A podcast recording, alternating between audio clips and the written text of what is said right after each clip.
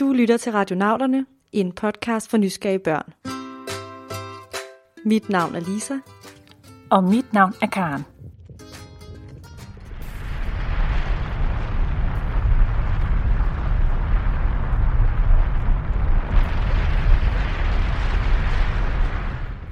Det ulmer, det bulrer og brager. Og det er der en god grund til. For i dette afsnit af Radionauterne skal vi på en ret vild mission, hvor vi skal undersøge nogle spektakulære sprækker ind til jordens indre.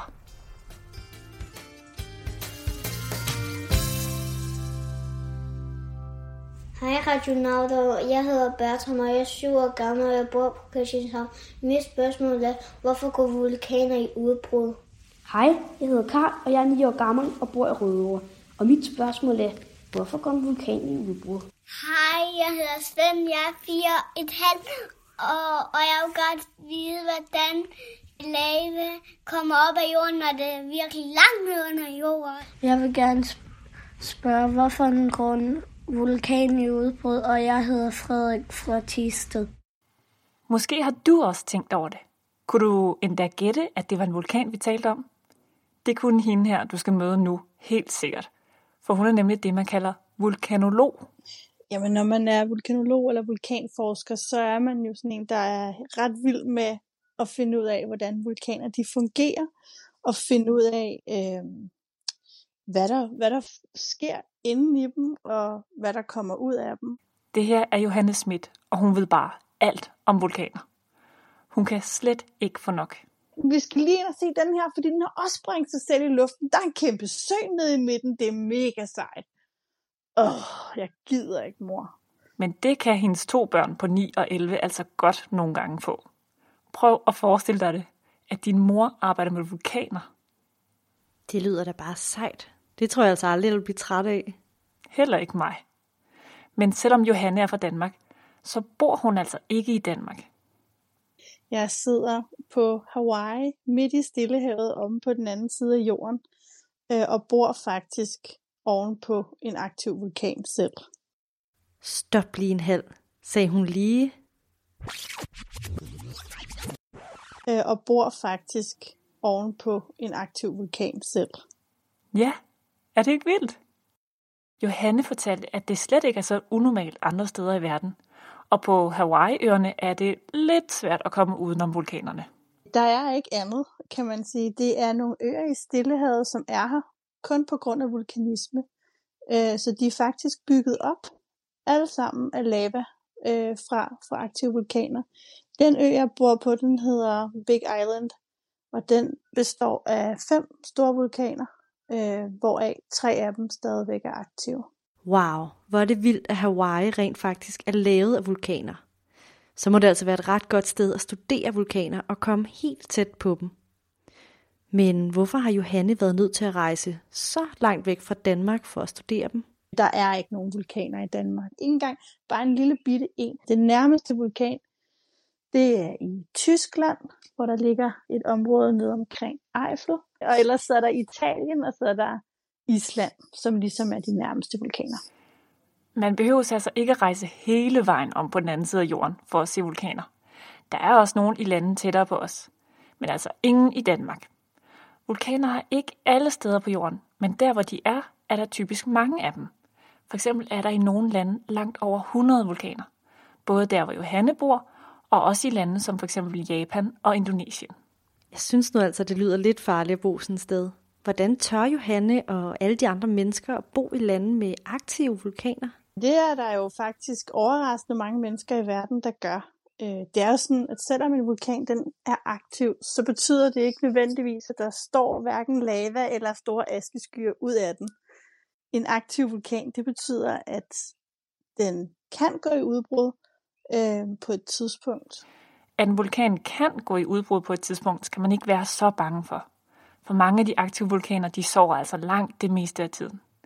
Og det er kun, når de er vågne, at de rigtig kan spy lava ud.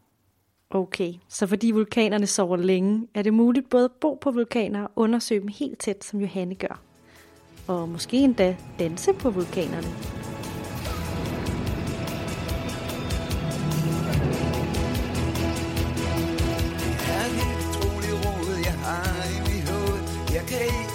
er på stående fod. Jeg tror, vi trænger til at komme ud og danse på vulkaner. Danser på vulkaner. Danser på vulkaner. Hele natten. Et stort bjerg, der er kejleformet. Jeg har læst bøger om dem, og jeg set billeder af dem, og så har jeg set naturudsendelser med dem. Men min storebror set en vulkan, og så gav han mig en lavasten. Der er, nogen, ja, er der ikke nogen, der bestiger vulkaner? Bertram og Frederik har aldrig selv været på en vulkan. Men Frederik har altså fuldstændig ret i, at der findes folk, der bestiger vulkaner, ligesom der findes folk, der bestiger bjerge. Faktisk kan bjerge og vulkaner godt ligne hinanden, og som Frederik siger, have form ligesom en kejle. Men de kan faktisk både være meget spidse, men altså også mere flade i det. Altså, jeg har prøvet at bestige bjerge før, så jeg kan vel også godt bestige en vulkan. Og så kunne jeg vildt godt tænke mig at se en vulkan i udbrud og gå i flydende lava. Hvad venter vi på, Karen? Lad os bestige en vulkan.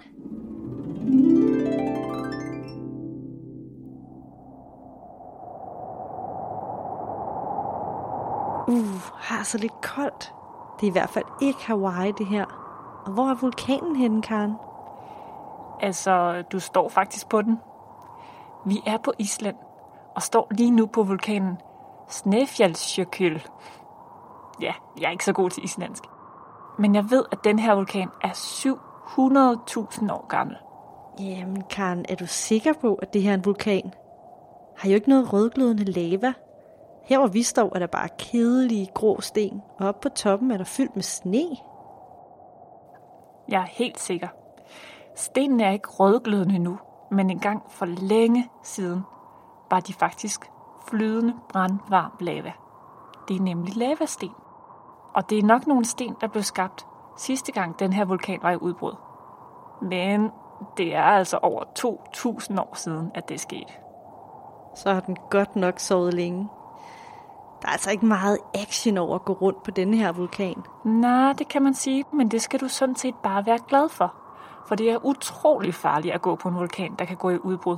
Det må man faktisk slet ikke. Selvom det nu altid vil være sådan, at det mest farlige er nede i vulkanen og dybere nede end jordens overflade. Et sted, hvor ingen, hverken vulkanbestigere eller vulkaneksperter, nogensinde kan komme ned.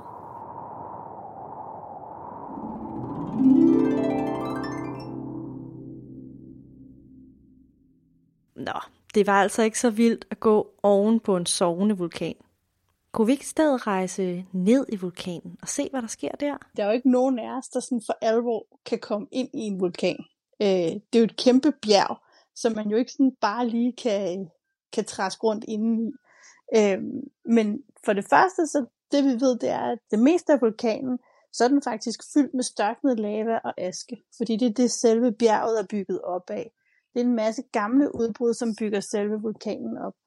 Men derudover, så måske et par kilometer nede under toppen af vulkanen, så findes der det, der hedder et magmakammer, som er sådan et hulrum inde i vulkanen. Det kan måske være op til nogle kilometer stort, hvor der er en smeltet stenmasse, der ligger og hygger sig indeni. Og det er det der, der gør det særligt, det der gør det til en vulkan. Okay, så nu ved vi altså, at en vulkan består af lavasten på ydersiden, og aske og mere lavasten på indersiden også. Men at der dybt nede i vulkanen er et hulrum med smeltede sten. Men hvorfor kalder Johanne de smeltede sten for magma? Jeg troede, det hed lava. Det gør hun, fordi eksperterne bruger to forskellige ord for at kunne kende forskel. Når det er inde i vulkanen, kalder de det for magma. Men det øjeblik, det sprutter ud af toppen af vulkanen, så kalder de det for lava. Men det er altså fuldstændig det samme. Men hvor kommer de her smeltede sten, altså magmaen og lavaen overhovedet fra? Altså lava, det kommer jo inden fra jorden, og jo længere ind i jorden vi går, jo varmere bliver der. Så det er en del af jordens indre, der er smeltet og som er steget op under vulkanen. Så mens overfladen på vulkan og på hele jorden er hård og størknet, så er det altså rigtig varmt dybt nede under jordens overflade. Mellem jordens indre kerne og jordens ydre hårde overflade findes jordens kappe. Er det en slags supermandskappe? Nej, det kan man ikke sige. Det er et lag, der ligger under overfladen inde i jorden, som er så varmt, at alting er smeltet. Og så kan altså selv sten smelte. Wow. Og så er det sådan, at nogle steder i verden er jordens overflade tyndere. Og der kan der komme en slags åbning, som går dybt ind i jorden, til jordens kappe. Og der, hvor åbningerne til jordens indre er, er de steder, hvor der ligger vulkaner. Se, det lyder farligt. Åbninger til jordens indre. Er der så bare hele tiden hul ind til jordens brandvarme flydende indre? Ah, ikke helt. Vulkaner er mere en slags trykventil, hvor jorden kan komme af med noget af al sin varme. Al den varme, som er inde i jordens indre, og som egentlig kommer inden fra jordens kerne, den bliver transporteret ud helt inden fra de her cirka 5.000 km inde i midten af jorden og ud til overfladen og kommer ud gennem vulkanerne som det her varme smeltede stenmasse. Så det er sådan en slags trykventil, kan vi kalde dem. Men der er altså ikke noget sådan åbent hul. Men det kommer der selvfølgelig, når der kommer noget op. Så kommer der jo nogle sprækker og sådan den slags. Ikke? Okay, så der er altså kun hul ned til jordens indre, når vulkanen er i udbrud. Ikke når den sover. Men nu er det blevet tid til en udfordring. Prøv at høre her.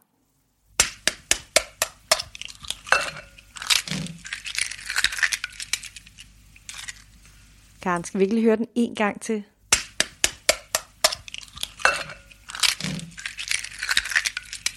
Det er noget, der har med vulkaner at gøre, men det er også noget, som du måske har spist en del af her i forbindelse med påsken. Men så siger vi altså heller ikke mere. Vi afslører svaret senere i programmet.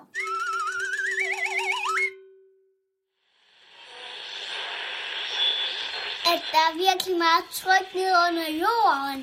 Der kommer lava op og hullet i toppen af den. Det er virkelig varmt. Det er det varmeste i hele verden. Ja, nu skal vi altså til det. Hvorfor går vulkanerne i udbrud? Det er et godt spørgsmål. Det spørger vi også nogle gange os selv om. Øhm, grundlæggende så handler det om tryk. Det handler om, at der kommer noget smeltemasse op inden fra jordens indre. Og øh, når det tryk, det kommer med, det opbygger sig tilstrækkeligt højt, så trænger det sig højere op i vulkanen, så er der en masse øh, gas, som er i magmaet, når det kommer inden fra jorden. Og det er faktisk ligesom, hvis man har rystet en sodavand, og så tager proppen af lige pludselig, så står der bare en kæmpe sky af sodavand og bobler ud. Det er lidt det samme med vulkanen. Bortset fra, at vi altså ikke behøver at ryste vulkanen. Boblerne kommer ud helt af sig selv. Når de så bobler ud, så bliver magmaet lettere, så stiger det højere op. Så bobler der mere ud, så stiger det endnu højere op. Og lige pludselig så brager magmaet deroppe af og kommer så bravende ud. For eksempel som, som aske. Eller som lava, ja, som typisk med nogle fontæner, som står lidt oppe i luften, og så klatter det ned og samler sig så de her lavastrømme, man så kan se. Og så er det altså bare med at komme væk. For man vil altså ikke stå i vejen for sådan noget flydende lava. Man kan altså sige, at det er igennem vulkaner, at jorden lukker sin varme ud, når den får det for varmt. Hvis du har det for varmt, så åbner du måske et vindue eller tager en trøje af. Men det kan jorden altså ikke ligefrem gøre. Og derfor så skubber den altså bare varmen ud gennem vulkanerne. Det er smart. Hvor varm er lavaen egentlig? Lavaen er ufattelig varm. Over 1000 grader varm. Og hvis du har set billeder af flydende lava, så ved du også, at lavaen er forskellige røde farver, og nogle steder er det nærmest helt hvidt. Kan du gætte, hvor det er varmest? Hmm, er det måske der, hvor det er mest rødt? Det skulle man tro, men det er faktisk lige omvendt. Der, hvor den sådan er der lysest hvidglødende, der er den cirka 1300 grader. Og jo mere rødlig, gul-rødlig den bliver i farven, jo koldere bliver den. Så der, hvor den er sådan orange-rød, der er den sådan en 850-900 grader varm. Ja, så kan jeg altså godt forstå, at jorden får det varmt en gang imellem. Men hvad sker der så med lavaen, efter den er sprøjtet ud af vulkanen i de her kæmpe eksplosioner? Efter lavaen er kommet ud af vulkanen, begynder den at blive koldere. Og når den bliver koldere, så flyder lavaen langsommere. Og efter noget tid, så går den helt i stå. Og til sidst, kan I gætte, hvad der så sker? Så bliver den flydende stenmasse til en fast sten igen, til en lavasten. Det er fordi, at øh, man ved aldrig hvornår, at de går i udbrud, og fordi, at når de går i udbrud, så er de meget farlige, og så ser det bare rigtig sejt ud. Bertram har jo ret. Vulkaner er jo vildt farlige, når de går i udbrud. Så hvordan ved man egentlig, hvornår de går i udbrud? Er det noget, vulkanologerne ved? Det er nogle af de ting, som, som vi faktisk arbejder rigtig meget med at forstå. Det er, øh, det er som om, at hver vulkan lidt har sin egen rytme eller sit eget liv. Øh, det er meget, meget forskelligt. Der er nogle vulkaner, som, øh, som kun går i udbrud én gang, og så stopper de, så de aldrig udbrud mere. Så er der nogle vulkaner, som øh, for eksempel Stromboli i Italien, som øh, nærmest øh, i perioder går i udbrud på, på et bestemt klokkeslæt. Og, og så er der andre vulkaner igen, som måske går i udbrud med flere tusind års mellemrum. Så det varierer meget, og det afhænger både af, hvad det er for en slags vulkan, og hvor stor den er, øh, og hvor stor udbrud den har haft. Så der er sådan, øh, det er sådan meget øh, komplekst spørgsmål, og vi ville virkelig ønske, at vi havde svaret, fordi så ville man jo kunne undgå, at der var nogen, der kom til skade i vulkanudbrud. Vulkanologerne ved rigtig meget, men vulkaner er det, man kalder naturkræfter. Og naturkræfter kan man ikke sådan lige styre.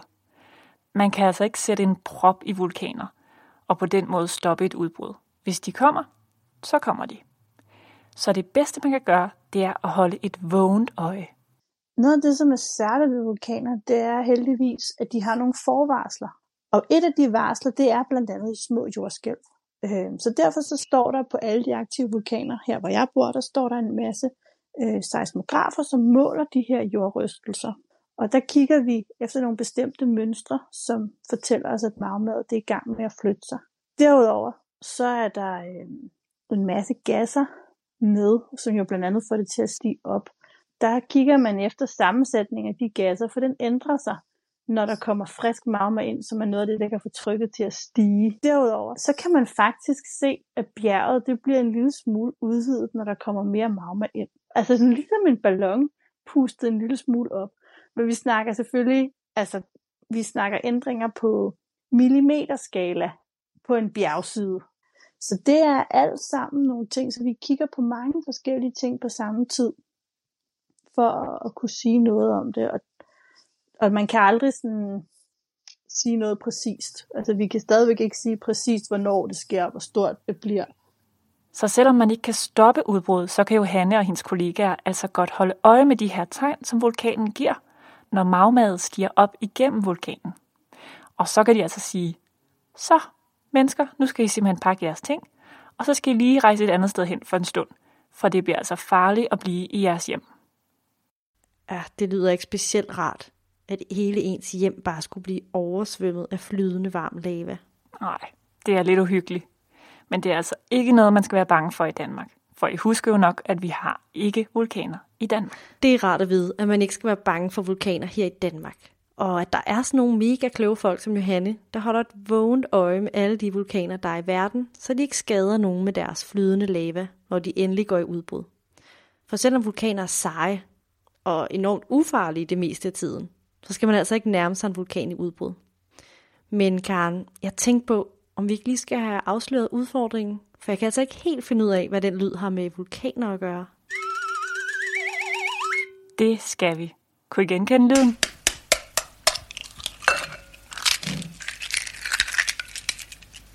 Sådan kan det for eksempel lyde på en søndag morgen hjemme hos jer måske. Det er nemlig lyden af æg, der bliver slået ud. Og der er ikke mange mennesker, der ved det. Men i nærheden af vulkaner, så lugter der simpelthen af rådne æg. Det er de gasser, der kommer ud af vulkanen, der lugter sådan. Så man kan sige, at vulkaner slår de samme slags brutter, som når far slår en rigtig styk æggehørmer. Øh, det lyder altså ikke så rart. Så er jeg altså endnu mere glad for, at vi ikke har vulkaner her i Danmark. Men nu er Radionauten ved at være slut for i dag, og vi vil gerne sige tak til Bertram, Frederik, Karl og Svend for jeres spændende spørgsmål. Og så også en stor tak til vulkanolog Johanne Schmidt for at gøre os meget klogere på det her emne. Husk, at I kan finde os på vores hjemmeside, radionauterne.dk og på Facebook. Tak fordi I lyttede med. Afsnittet er produceret og redigeret af Karen Birkegaard og Lisa Bay med støtte fra Novo Nordisk Fonden.